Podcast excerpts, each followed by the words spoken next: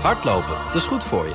En Nationale Nederlanden helpt je daar graag bij. Bijvoorbeeld met onze digitale NN Running Coach... die antwoord geeft op al je hardloopvragen. Dus, kom ook in beweging. Onze support heb je. Kijk op nn.nl slash hardlopen. Cryptocast wordt mede mogelijk gemaakt door Bitfavo, de crypto-exchange van Nederland. BNR Nieuwsradio. Cryptocast.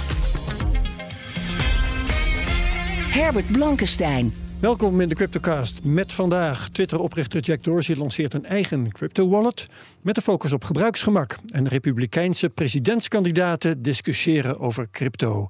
Nu een half uur crypto-nieuws op de radio met mijn co-host Daniel Mol. Hallo. Goedemiddag Herbert. bij de CryptoCast en bij BNR Digitaal. We geven geen beleggingsadvies, vorm je eigen mening, maak je eigen keuzes, geef ons niet de schuld. Crypto kan lucratief zijn, maar is ook riskant. Twitter-oprichter Jack Dorsey lanceert zijn eigen crypto-wallet uh, met de BitKey. Wil Dorsey het zelfbeheren van crypto makkelijker maken, van Bitcoin in het bijzonder trouwens. Hè? Daniel, um, wat brengt uh, Jack Dorsey nou precies op de markt? Nou, dat noemen we een hardware wallet en daar zijn er al heel veel van. Uh, dat zou ik zo wel vertellen. Even ter uitleg. Je kan je bitcoin op een aantal manieren opslaan. de meeste mensen kiezen ervoor om dat gewoon bij een externe partij te doen. Bij een Bitfavo, bij een Coinbase. Uh, en die houdt ja. dat dan in, voor je in beheer. Uh, dat is handig. Daar hoef je geen, heb je geen omkijken naar. Maar het is dus ook een risico. Veel echt Bitcoin-adepten, Bitcoin-fans die zeggen... ja, not your keys, not your ja, coins. Dat weten gebruikers van FTX en andere... Precies, clubs. want als die beurs kopje ondergaat... Dan is, dan is er een kans, dat is ook niet altijd... maar is er een kans dat je al je geld kwijt bent. Of een groot deel ervan. Ja, nou ja, het alternatief... Uh, een van de alternatieven is zo'n hardware wallet... die Jack Dorsey nu op de markt brengt. En uh, nou ja, daar heb je eigenlijk... Een, een extern apparaatje wat de toegang naar jouw crypto wallet soort van beschermt en dus altijd offline is. Dat daardoor ben je eigenlijk beschermd tegen allerlei hacks en, en al dat soort gekke dingen. Ja.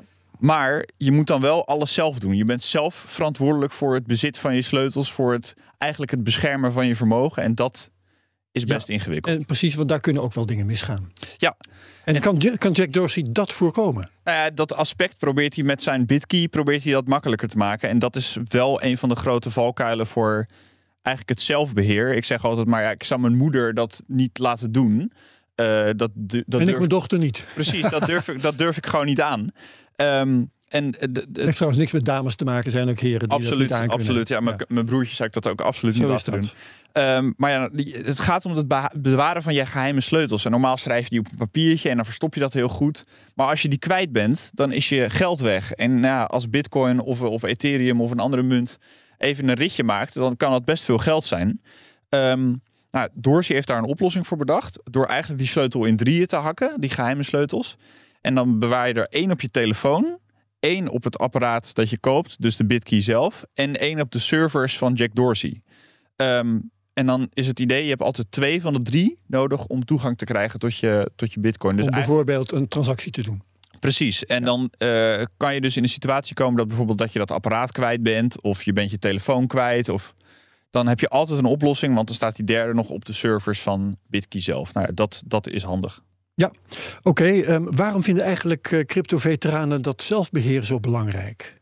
Dat is echt met de natuur van Bitcoin te maken. De oorsprong van Bitcoin. Dat is, dat is, uh, Bitcoin komt voort uit een groep uh, mensen die noemen zichzelf de cypherpunks. En dat waren echt ja, internetanarchisten die heel erg bezig waren met het, met het beschermen van hun data, met privacy.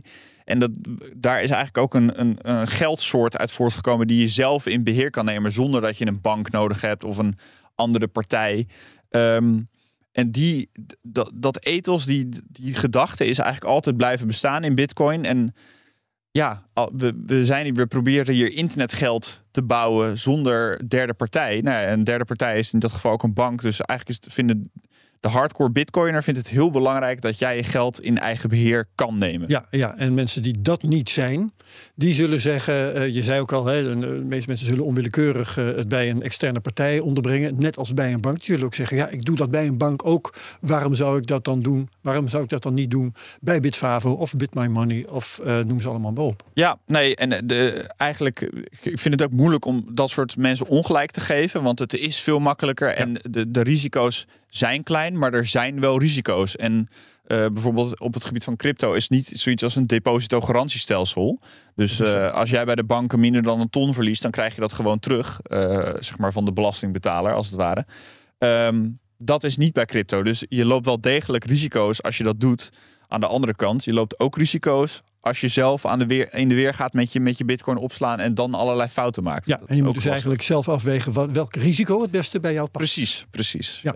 Ehm, maar je zei al, er zijn al meer van dit soort producten.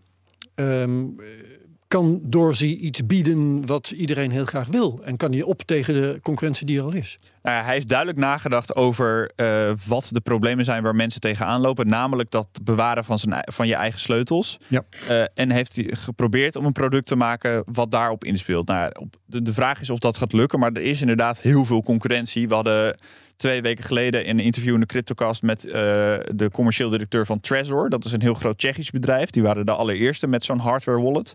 Uh, verder heb je nog Ledger, Frans bedrijf, is de grootste. Coldcard, Canadese.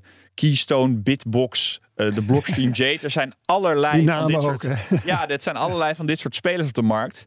En wat daar ook nog bij gezegd moet worden, van de zeg maar 400 miljoen mensen die nu crypto op deze aardbol hebben, heel klein, een heel klein deel neemt zijn crypto maar in eigen beheer en koopt er dan zo'n speciaal apparaatje voor. Dus het is eigenlijk een hele ja. niche markt waar ook nog best wel veel concurrentie is. Ja, um, klinken er nou al commentaren op dit nieuwe product vanuit de cryptowereld? Nou ja, de, de, de cryptowereld zou de cryptowereld niet zijn als er, als er gelijk dat soort nieuwe ideeën uh, worden afgezekerd. Natuurlijk wel met valide argumenten. En dat zit hem vooral in dat er toch weer op een een of andere manier een centrale partij wordt geïntroduceerd in het verhaal van Dorsey. Ik vertelde net, je hebt drie sleutels. één op je telefoon, één op die bitkey zelf, op dat apparaatje zelf. En één op de servers van Dorsey. Nou ja, dat is een centrale partij.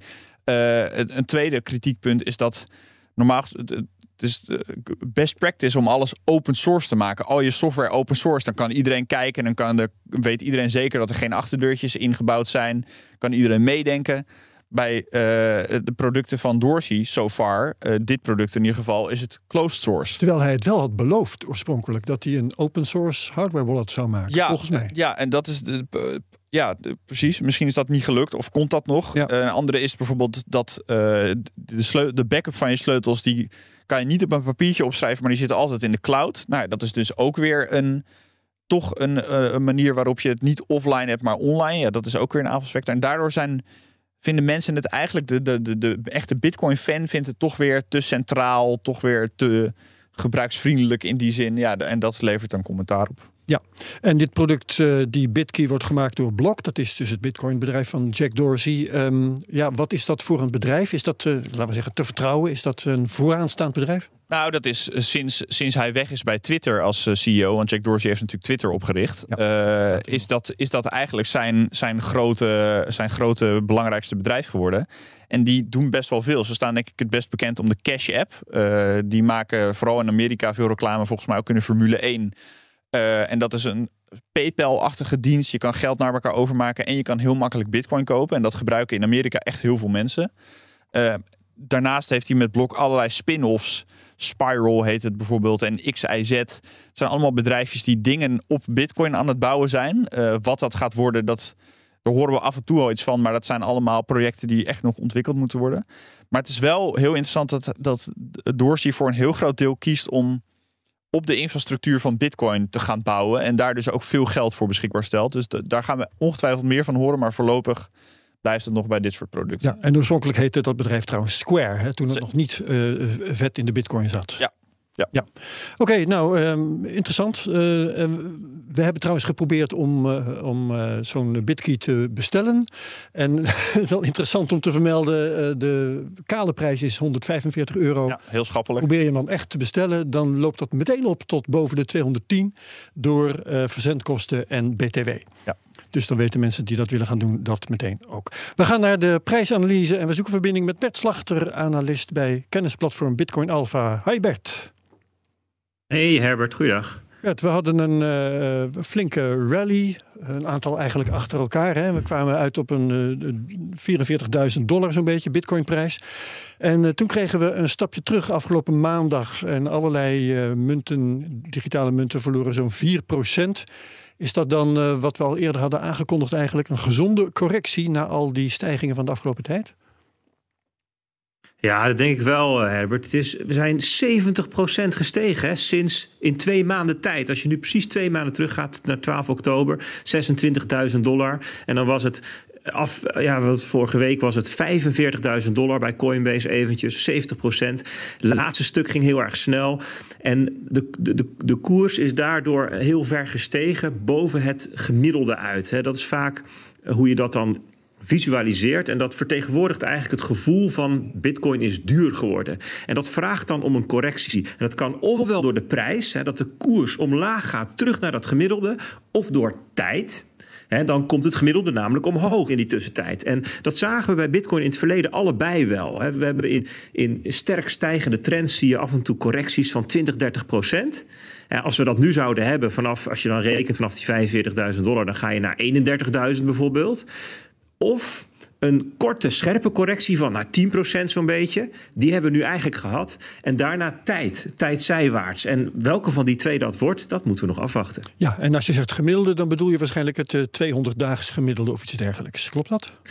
Ja, bijvoorbeeld. Je kijkt dan eigenlijk bij, bij, bij een beleggingscategorie... kijk je vaak naar wat het dominante gemiddelde is. En dat is dan soms het 200 dagen, soms het 50 dagen... soms het zoveel weken. Het hangt een beetje vanaf. Bij bitcoin kijken we vaak naar 200 dagen inderdaad. Ja, uh, we zaten een tijd lang dit jaar tussen de 25.000 en, en, en, iets meer dan 30.000 dollar... Uh, dat noemde je een kanaal. Hè? En uh, zolang we daarin bleven, was er niks aan de hand. daar kwam het verhaal ongeveer op neer. Z zijn we nu ook weer in zo'n kanaal beland? Ja, dat, dat was wel eentje. Hè. In begin maart kwamen we daarin in dat prijsbereik. En dan eind oktober gingen we er pas uit. Zeven maanden zijwaarts in een best wel smal prijsbereik voor zo'n volatiele belegging als Bitcoin. Um, het is heel onwaarschijnlijk dat we nu het komende half jaar weer in zo'n smal prijsbereik zullen blijven. De markt is echt wel tot leven gekomen de afgelopen maanden. De verwachtingen rond de ETF's van BlackRock en anderen zijn hoog gespannen. Ja. En um, daar komt ook nog bij dat er nu niet echt belangrijke koersniveaus zo dicht bij elkaar liggen. Als je, als je nu twee grenzen zou moeten noemen, dan zou dat zijn 31.000 aan de onderkant en 48.000 dollar aan de bovenkant. Dus dat we weer een zo smal bereik zouden blijven, dat acht ik niet zo waarschijnlijk. Nee. Um, wat interessant is, uh, is om te kijken naar de tijd dat die 42.000 dollar voor het eerst in beeld kwam. Dat was in 2021 en toen uh, was de richting omhoog. Hè. Um, waarom is dat een belangrijk moment geweest waar we nu naar terug moeten kijken? Ja, dat was op 8 februari 2021. Dat was namelijk de dag dat um, Tesla bekend maakte voor anderhalf miljard dollar aan bitcoin te hebben gekocht en op de balans hebben gezet. En dat klanten binnenkort hun nieuwe auto met bitcoin konden afrekenen. De koers schoot die dag met meer dan 20% omhoog, van 38 naar 46.000 dollar. De stemming toen was uitzinnig, sensatie. Zou Michael Saylor dan toch gelijk krijgen dat elk bedrijf bitcoin op de balans zet? En dus als je terugkijkt naar die periode, dan zie je dat de marktcyclus toen in, um, ja, in, in, de, in, de, in, de fase van opwinding en sensatie zat. En, en euforie zou niet lang op zich laten wachten. En dat zie je ook als je naar allerlei cijfers kijkt, naar allerlei datareekenen, zie je dat ook. Het aantal nieuwe gebruikers, het aantal actieve beleggers, de hoeveelheid gerealiseerde winst, alleen momentumindicatoren, de derivatenmarkt, tot en met het aantal zoekopdrachten op Google naar Bitcoin aan toe in al die aspecten was de markt oververhit in februari 2021. En nu zijn we dus opnieuw omhoog aan het gaan naar 32, 42.000 dollar of 3, 4, 44. Diezelfde mhm. getallen. Alleen nu is de markt echt totaal niet oververhit. Het is hartstikke rustig. Sterker nog, als je er al een emotie op moet plakken, dan is het eerder opluchting dat Bitcoin toch niet dood is, weet je wel, dat. Hè? Dus, um, en dat zie je ook in al die andere cijfers terug. Er is nu helemaal geen um, uh, oververhitting in die datareeksen te vinden. Je ziet hooguit dat er nu een bodem is neergezet en dat er weer een beetje stijging, dat er weer een beetje leven terugkomt. Maar um, ja, totaal nog niet op het punt in de marktcyclus waar we, waar we toen waren. Wil je daarmee zeggen dat dit nu eigenlijk een stabielere toestand is en dat, uh, dat we veel verder omhoog kunnen kijken hier vandaan? Ja, dat is wel in beginsel ehm, wat, je daaruit mag concluderen. Kijk, en dan is natuurlijk altijd de vraag of de omstandigheden in de komende anderhalf jaar zo zijn dat zo'n boelmarkt tot um, ja, ontwikkeling kan komen. Maar als dat zo is, dan, dan ligt voor de hand hè, dat, dat als die, die, die, diezelfde um, uh, activiteit zich weer ontwikkelt. En dat je weer heel veel nieuwe beleggers hebt die instromen. En, nieuwe toepassingen, nieuwe financiële, financiële instrumenten, nieuwe gebruikers, nieuwe beleggers. Dat dan dus ook ja, de totale marktwaarde uiteindelijk een stuk hoger ligt. Ja. Uh, daar gaan we volgende week uh, verder over praten. Uh, dan weten we ook meer over de beslissingen die deze week genomen worden op de financiële markt, de rentebesluiten en dergelijke. Dankjewel, Bert Slachter van kennisplatform Bitcoin Alpha. Ja, nog een maand of zes en dan kiest de Republikeinse Partij in de Verenigde Staten dus een kandidaat voor de presidentsverkiezingen. Wie zou het worden? Spannend, spannend, spannend. Ik denk dat ik het wel weet. Donald Trump staat een straatlengte voor. Nou ja, hij heeft nog wat juridische problemen. Straatlengte voor op zijn concurrent Ron DeSantis. Maar um, ja, wat voor ons belangrijk is, dat is het uh, cryptobeleid. Dat is daar tussen de presidentskandidaten uitgezonderd door Donald Trump uh, onderwerp van gesprek. Hè? Afgelopen week was er weer een debat, daar hadden ze het erover. Ja, um, de debatleiders gooiden eigenlijk uh, Vivek uh, Ramaswamy. Dat is een zakenman die ook een gooi doet naar het, het presidentschap. Heeft een hele sterke mening over crypto. Die, gooide, die kreeg eigenlijk wat voor zijn voeten gegooid over crypto. Uh, dat ging namelijk, hij heeft allerlei plannen en hij moest dan reageren op de, eigenlijk de wandaden die mensen als Sam Bankman-Fried van FTX of oh ja. CZ van Binance allemaal hadden uitgevreten. En waarom hij dan crypto het zo'n goed idee vond om crypto, uh, zeg maar, meer beleid te geven. Ja, dus uh, het betoog is dan uh, Bankman-Fried is een misdadiger, uh, CZ deugt niet, dus dan zal crypto ook wel niet deugen. Precies, ja, ja. ja. En daar moest hij dan op reageren. Of dat, en hoe deed hij dat? Nou ja, kijk, hij is, hij is eigenlijk heel kritisch. Hij heeft, hij heeft best uitgebreide crypto plannen. het slaat eigenlijk zo, zoveel op dat je hij wil bijvoorbeeld de helft van de SEC ontslaan, samen met de rest van de overheid. Okay. De helft van de overheid. Ja, het is een, het is een vaag verhaal. De meeste crypto's... een beetje als die nieuwe president in Argentinië, Milei. Uh, ja. Uh, Woon de centrale ja, bank op. Ja, en qua complottheorieën lopen ze ook ongeveer gelijk. Oh, ja. Um, de, de, meeste crypto's zijn volgens hem goed, dus geen effect. Uh, dat heeft allerlei gevolgen oh, ja. voor de regelgeving. Dat is normaal gesproken een taak van de, van de toezichthouder zelf, maar dat, dat bepaalt hij eigenlijk. En daarnaast wil hij ook de industrie beschermen en ontwikkelaars beschermen van bijvoorbeeld software die dan door andere partijen misbruikt wordt voor illegale doeleinden. Uh, dat is iets wat we gezien hebben met die mixingdiensten, waar we het regelmatig over hebben, om bitcoin te verhullen en zo.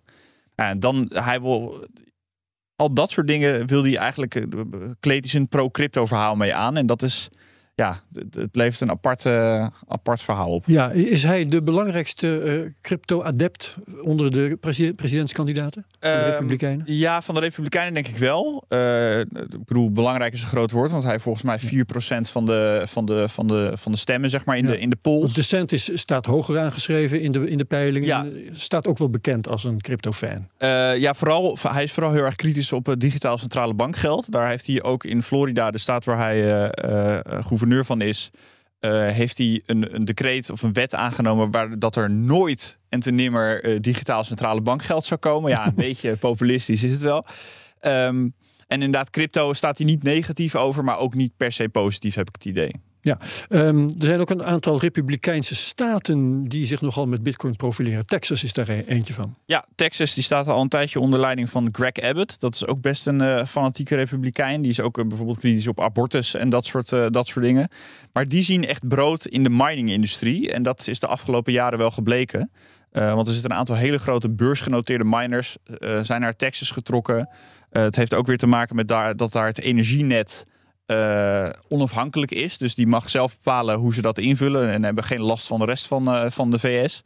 Um, en daardoor is die staat eigenlijk een, een belangrijke, uh, belangrijke soort hub geworden voor, voor bitcoin mining en voor crypto mining.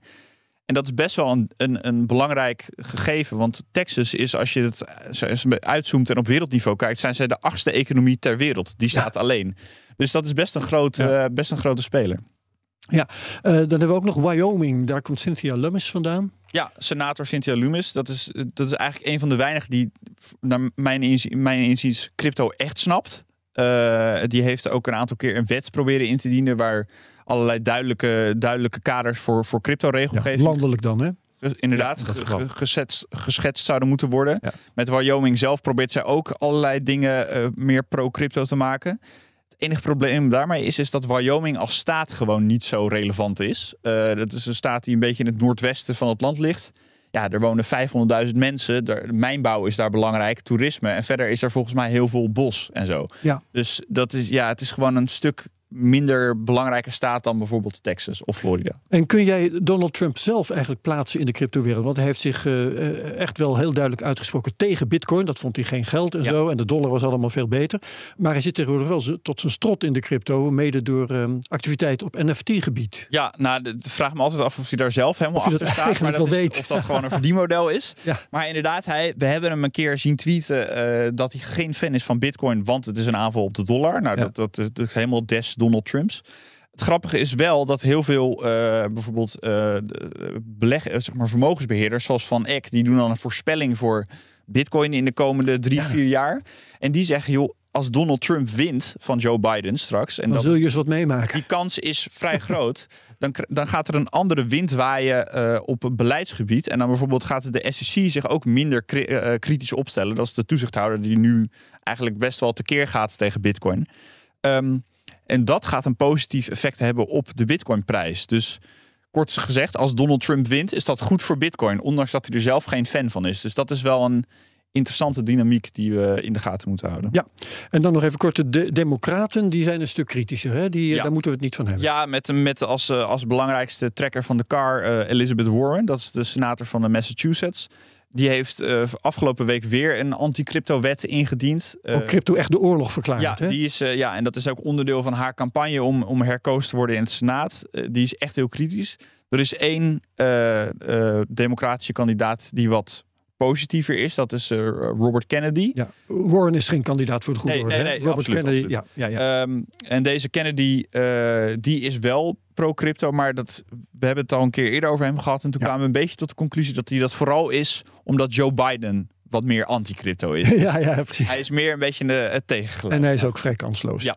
in de race. Goed, we moeten nog even de, vooruitkijken naar de podcast die we zo gaan opnemen met eh, Mark van der Scheijs, Nederlandse eh crypto-goeroe. Ja, eh, en, en ondernemer. Hij heeft Ja. eh, eh, best een lange tijd geleden Hut Eten opgericht. En dat is een heel groot miningbedrijf inmiddels.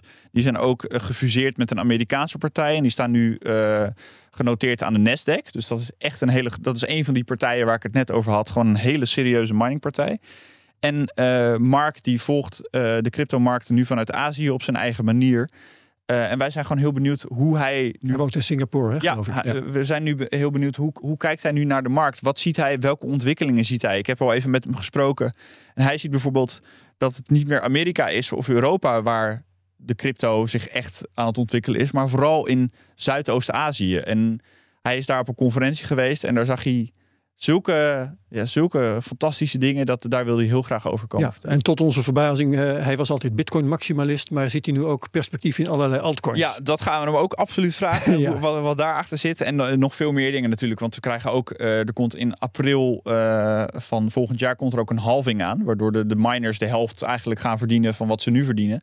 Ja, ik ben heel benieuwd hoe hij dat ziet. Hij heeft verstand van die wereld. Ja. Gaan ze dat overleven allemaal? Dat, het zijn echt spannende dingen die komend jaar op ons afkomen. Dus Dat, we eh, gaan wordt het hem allemaal vragen. Ja, wordt een spannende podcast. Oké, eh, tot zover de Cryptocast op BNR. Bedankt Daniel Mol als mijn co-host vandaag. Wie meegaat naar die podcast, heel graag. Je zult er geen spijt van krijgen.